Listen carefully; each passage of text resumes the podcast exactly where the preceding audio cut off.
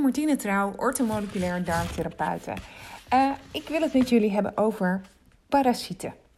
Nou, hoe kom je er nou überhaupt achter? Hoe weet je nou of je parasieten hebt? Nou, eigenlijk is de meest voorkomende klacht is diarree. Uh, en die kan dan echt waterdun zijn. Um, meestal bevat het dan geen bloed of slijm.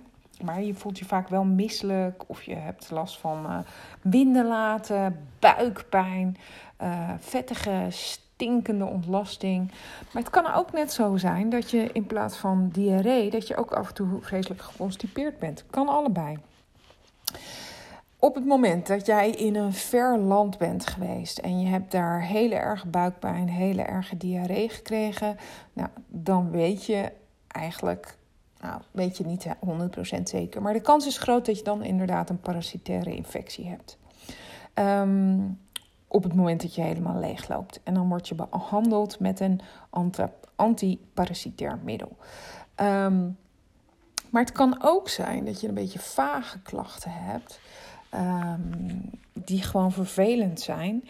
En dat je uh, naar je huisarts toe gaat en zegt: Joh, ik zou graag een keer willen laten testen op parasieten. Nou, dan komt er een parasiet uit. En um, dan zegt je huisarts: Ja, maar heel veel mensen hier in Nederland hebben een parasiet in hun darmen zitten. En die hebben allemaal geen klachten. Dus daar kan het niet door komen. Dat is iets wat vaak voorkomt. Hè? Nou, ik kan je zo al vertellen dat dat, dat, dat niet zo is. Uh, en daarbij bedoel ik te zeggen dat het wel degelijk mogelijk is om klachten te hebben van een parasiet. Ook al zijn ze misschien niet zo erg. En waar dat vooral mee te maken heeft, is hoe is de staat van je darmen? Van je darmwand, van je darmflora, van je darmslijmvlies. Hoe beter die is, hoe minder last je er waarschijnlijk van zult hebben. Hoe slechter die is, hoe erger de klachten. Dus het is vaak niet allemaal hetzelfde. Um, nou, hoe kom je nou eigenlijk aan zo'n parasiet? vroeger was het echt dat we allemaal dachten van, nou ja, ik moet echt naar India of ergens naar Zuid-Amerika toe om zo'n parasiet te krijgen. Uh, we weten dat echt heel veel mensen hier in Nederland een parasiet in hun darmen hebben zitten. En dat komt eigenlijk gewoon van groenten die we eten, water wat we drinken. En terwijl ik onderzoek aan het doen was voor deze blog, las ik dus ook inderdaad dat met name bij biologische groentes. Die worden met slootwater worden ze geïrrigeerd, krijgen ze water. En dat slootwater, daar zitten natuurlijk vogels in. En misschien zwemmen er nog af en toe een rat of zo terwijl ik dit zo vertel, denk ik, oh, oké. Okay. Ehm, en die poepen dan en daar zitten parasieten in. En dat wordt dus over de groente heen uh, verspreid. En op het moment dat jij dus die groente en dat fruit niet goed wast, um, dan krijg je dus die parasieten binnen. En dan is het dus afhankelijk van de gezondheid van je darmflora hoeveel last jij daarvan hebt of niet. Um, en, en, en waarom ik zo moet lachen is omdat ik dus eigenlijk um, mijn fruit, mijn biologische fruit, wat ik bij de natuurwinkel haal, eigenlijk nooit was. En terwijl ik dat dus aan het lezen was, dacht ik, oeh, misschien moet ik dat toch wel eventjes doen. Nou, even over, over dat evenwicht. Ik stel me altijd zo voor dat je in je darmen, het is de soort stoelendans, je hebt een heleboel kleine stoeltjes heb je staan. En in principe wil je gewoon dat het allergrootste deel van die stoeltjes bezet is door goede darmbacteriën. En als er door wat voor omstandigheid dan ook, hè, het kan zijn dat je medicatie hebt gebruikt, het kan zijn dat je stress hebt gehad, het kan zijn dat, um, dat je een keer slecht gegeten hebt, noem maar op. Er is echt een heleboel te bedenken waardoor dat even uit zijn evenwicht kan zijn geraakt. Um, en dan komen er stoeltjes vrij en dan bestaat er een kans dat daar een slechte bacterie op gaat zitten of een parasiet en dat die zijn plaatsje inneemt in die darmen en daar vervelend gaat zitten doen. Dus belangrijk om al die stoeltjes zoveel mogelijk bezet te houden door goede darmbacteriën. Want op die manier komt die parasiet komt binnen en die wordt vervolgens weer afgevoerd. Nou, dat dus. Ehm, en wat ik ook nog heel even wilde zeggen over het verschil dus. En toen dacht ik ook, oh oké, ik eet zoveel mogelijk uh, biologische voeding. Dat ga, ik ga ervan uit dat dat goed is. Ik ben er ook van overtuigd dat dat goed is. Maar als je kijkt naar groenten in de supermarkten, die wordt heel vaak met een bepaald gas behandeld, waardoor er al echt al een aantal bacteriën die erop kunnen zitten, gewoon gedood worden. Dus waarschijnlijk heb je daar minder last van dan bij biologische voeding. Dit is even puur giswerk van mij hoor, maar ik kan het me zo voorstellen. Nou, dan heb je dus zo'n parasitaire darminfectie. Hoe kom je daar nou achter? Uh, vroeger was het een TFT-test, een triple faces test. En um, dan deed je dat in drie keer. Dus deed je drie dagen achter elkaar uh, deed je een ontlastingonderzoek. Dat komt omdat een parasiet niet elke dag afvalstoffen produceert. Dus door drie dagen lang ontlasting op te vangen vergrootte je dus de kans dat je inderdaad die afvalstoffen tegenkwam van die parasiet. En zo kon je dan aantonen dat die er inderdaad zat. Tegenwoordig heb je de PCR-test. En dan gaat het erom dat je genetisch materiaal van de parasiet in de ontlasting kunt vinden. Die is heel accuraat. Um, ik moet zeggen dat ik hem eigenlijk vrij weinig doe bij klanten. En dat komt eigenlijk omdat ik ze altijd doorstuur naar de huisarts. Um, en, en nou, dit weet ik ook niet zeker, maar ik denk namelijk altijd dat als ze hem bij de. Dat is een van de weinige testen die een huisarts ook doet. Dus ik, ik doe altijd een uh, basis-darmflora-onderzoek. Dan kijk ik naar de goede bacteriën, ik kijk naar slechte bacteriën, ik kijk naar schimmels. Kijk ook naar die spijsvertering. Zijn er vetten, suikers, eiwitten in ontlasting? Maak je voldoende enzymen aan? Uh, zijn er galzuren te veel? Zitten er ontstekingen? Hoe gaat het met je immuunsysteem? Dat is eigenlijk, ja, dat is gewoon best wel uitgebreid. Um, en dat zal een huisarts eigenlijk nooit doen. Uh, maar een parasietentest, die doet hij wel. Dus, en ik denk dan altijd dat die bij de huisarts, via de huisarts, goedkoper is dan dat je hem bij mij doet. Dus daarom stuur ik eigenlijk altijd mensen door voor een parasietentest bij de huisarts. Nou, dus dan ga je die doen. En de meest voorkomende parasieten hier uh, in Nederland of in, in, Europa zijn dan Dintameuba fragilis, Plastocystis hominis en de Guardia lamblia. Die veroorzaken doorgaans het vaakst darmklachten bij ons. En dat zijn dus ook de parasieten waar je huisarts op zal testen. Nou, nog heel eventjes herhaal ik even de symptomen die je dan kunt hebben. Hè. Buikpijn, diarree of juist dus een wisselende ontlasting. Het kan ook zijn dat die breierig is, je ontlasting. Winderig, opgeblazen buik. Nou, dat zijn allemaal um, klachten die je dus van een parasiet kunt hebben. Het kan ook heel wat anders zijn hoor, maar dat, dat dan gaan ze altijd kijken van oké, ben je dan naar, een, eh, naar het buitenland geweest? Uh, ben je in aanraking met bepaalde dingen geweest? Als dat dan zo is, dan gaan ze pas kijken naar die parasieten. En anders zullen ze inderdaad zeggen van ah, dat is wel wat anders. Of, nou. Um, maar ja, goed, dan heb je dus, dan is dus aangetoond dat je dus zo'n parasiet hebt. Hè? En wat dan?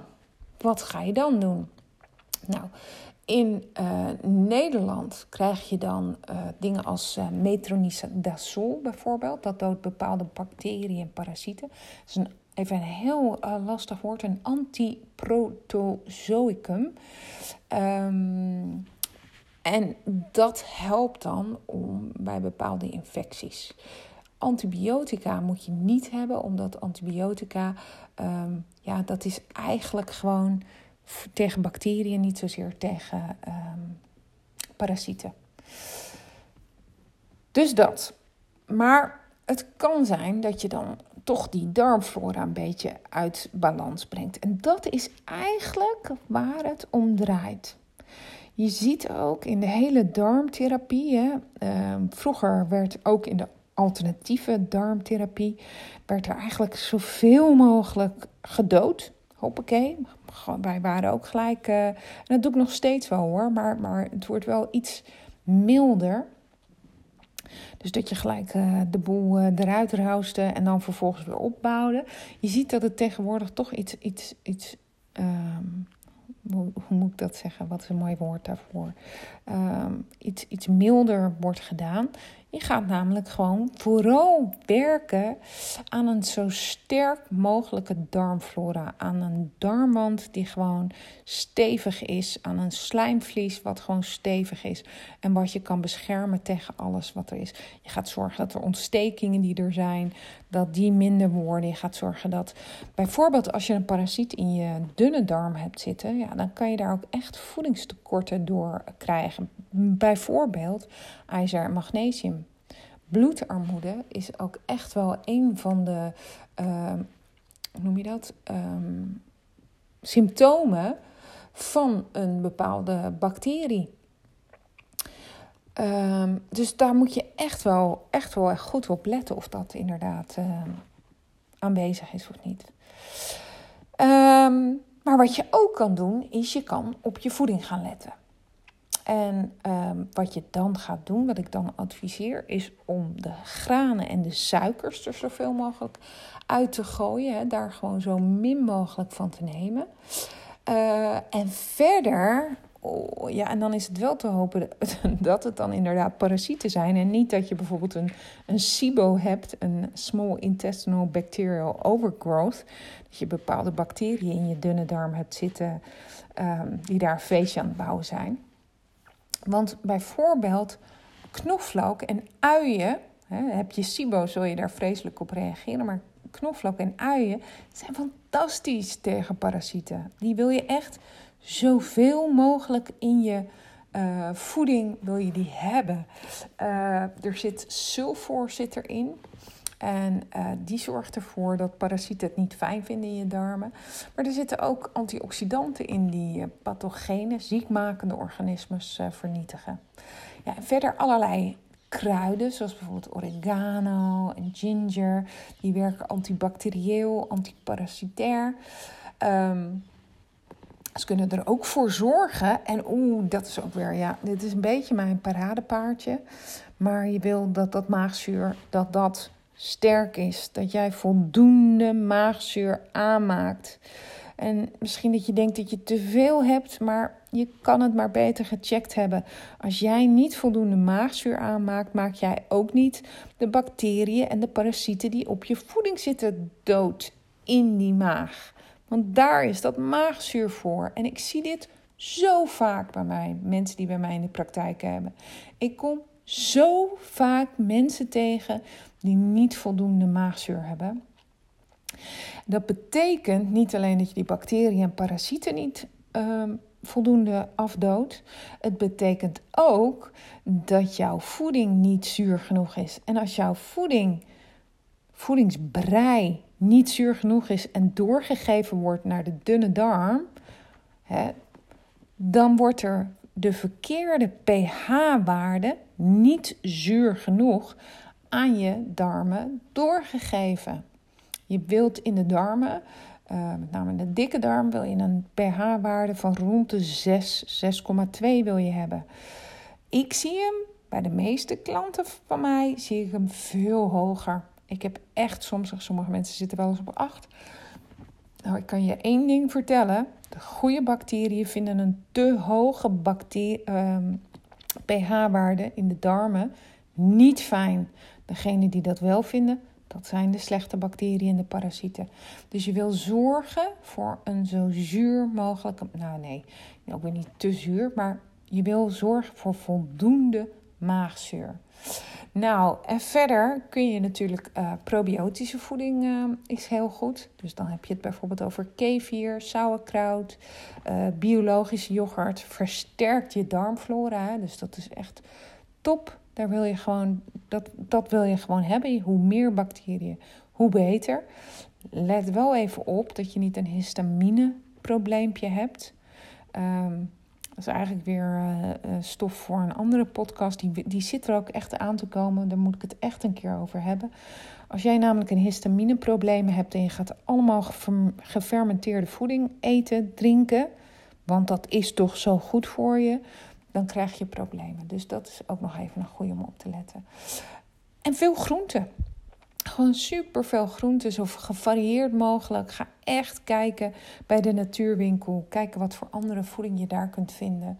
Ehm, want hoe gevarieerder jij eet, hoe gevarieerder ook de bacteriën in je darmen zullen zijn. Want de een vindt dit lekker en de ander vindt dat lekker. Ehm, ja, verder nog even uitkijken met alcohol, met granen. Ehm, dat is altijd uh, uh, wel iets belangrijks om eventjes op te letten. Nou, wanneer moet je inderdaad wel naar een huisarts toe of naar een arts toe? Um, ik denk dat het altijd goed is om dat in de gaten te houden, dit soort dingen. Um, maar zeker op het moment dat je gewoon echt hele erge buikpijn hebt en hele erge diarree hebt. Diarree wil je natuurlijk nooit te lang mee blijven lopen. Um, moet je naar de huisarts gaan. Want bij diarree neem je eigenlijk geen voedingsstoffen meer op. Hè? Dus je zult steeds vermoeider raken. Um, en ja, het doet je darmflora ook geen goed. Nou, ik hoop dat je dit een uh, fijne podcast hebt gevonden. Uh, mocht je zeggen van, nou Martine, nu wil ik toch echt met je aan de slag. Ga dan even naar mijn website martinetrouw.nl en dan moet je hebben martinetrouw.nl en dan slash gratis verbindingstreepje sessie en dan weer slash. Dan kun je even een afspraak met me maken. Um, en dan kunnen we even kijken hoe ik je kan gaan helpen. Uh, en mocht je gewoon een vraag hebben aan me, kun je ook altijd eventjes naar me mailen. Via mijn website martinetrouw.nl. Gewoon op de contactpagina. Dan komt die ook bij mij. En um, ga ik je verder een hele fijne week toewensen.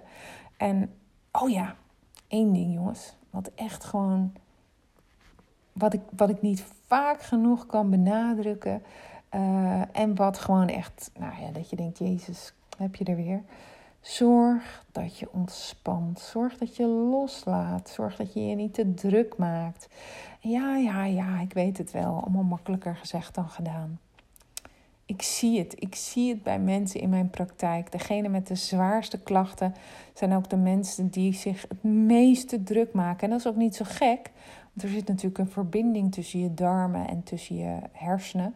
Dus het is kip of het ei. Je weet niet wat er eerder is. Uh, maak je je druk omdat je darmen slecht zijn? Of uh, zijn je darmen slecht omdat je je druk maakt? En, en, en ook omdat het elkaar juist in stand houdt, uh, wordt het ook weer moeilijker. Maar probeer het. Ga eventjes zitten met dat kopje thee. Bedenk wat je vandaag fijn vond ik kijk nu naar buiten en ik zie dat de zon schijnt op een gebouw hier aan de overkant. Heerlijk, het is een dag vol regen geweest.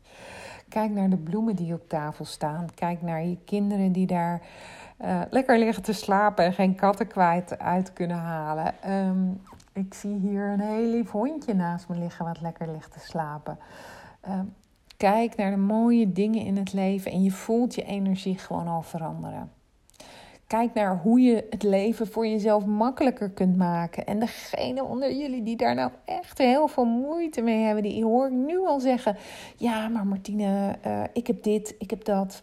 En toch kan het, jongens. Toch kun jij ook gewoon, al is het maar een klein dingetje, al is het maar: wat heb ik nodig om deze dag goed te beginnen? Vind ik het fijn om bijvoorbeeld eventjes alleen te douchen? Gewoon even, vijf minuten. Um, gun ik mezelf een lekkere douchegel. Ik, ik noem maar even wat. Hè. Maar begin de dag bewust op een goede manier. Of neem gedurende de dag gewoon even een bewust momentje voor jezelf. Van oké, nu even. Nu even voor mij. Nu pak ik even mijn boek. Nu ga ik even wat leuks doen. Nu ga ik even niets doen. Mag. Echt waar. Je hebt mijn toestemming. Ik hoop dat je ook die van jezelf hebt. Maar zorg ervoor dat het leven uh, de moeite waard is. Dat je regelmatig relaxt.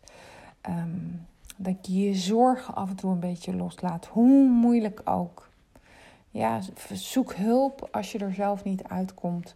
Maar wees lief voor jezelf. Wees lief voor jezelf. Oké, nogmaals, hele fijne dag. ik vind het trouwens ook heel fijn als je een uh, recensie, een review achter wil laten van deze podcast. Als je hem inderdaad uh, leuk hebt gevonden. Als je denkt van ja, weer waarde uitgehaald. Want hoe meer mensen uh, dat doen, hoe beter die te vinden is. Fijne avond. Doeg!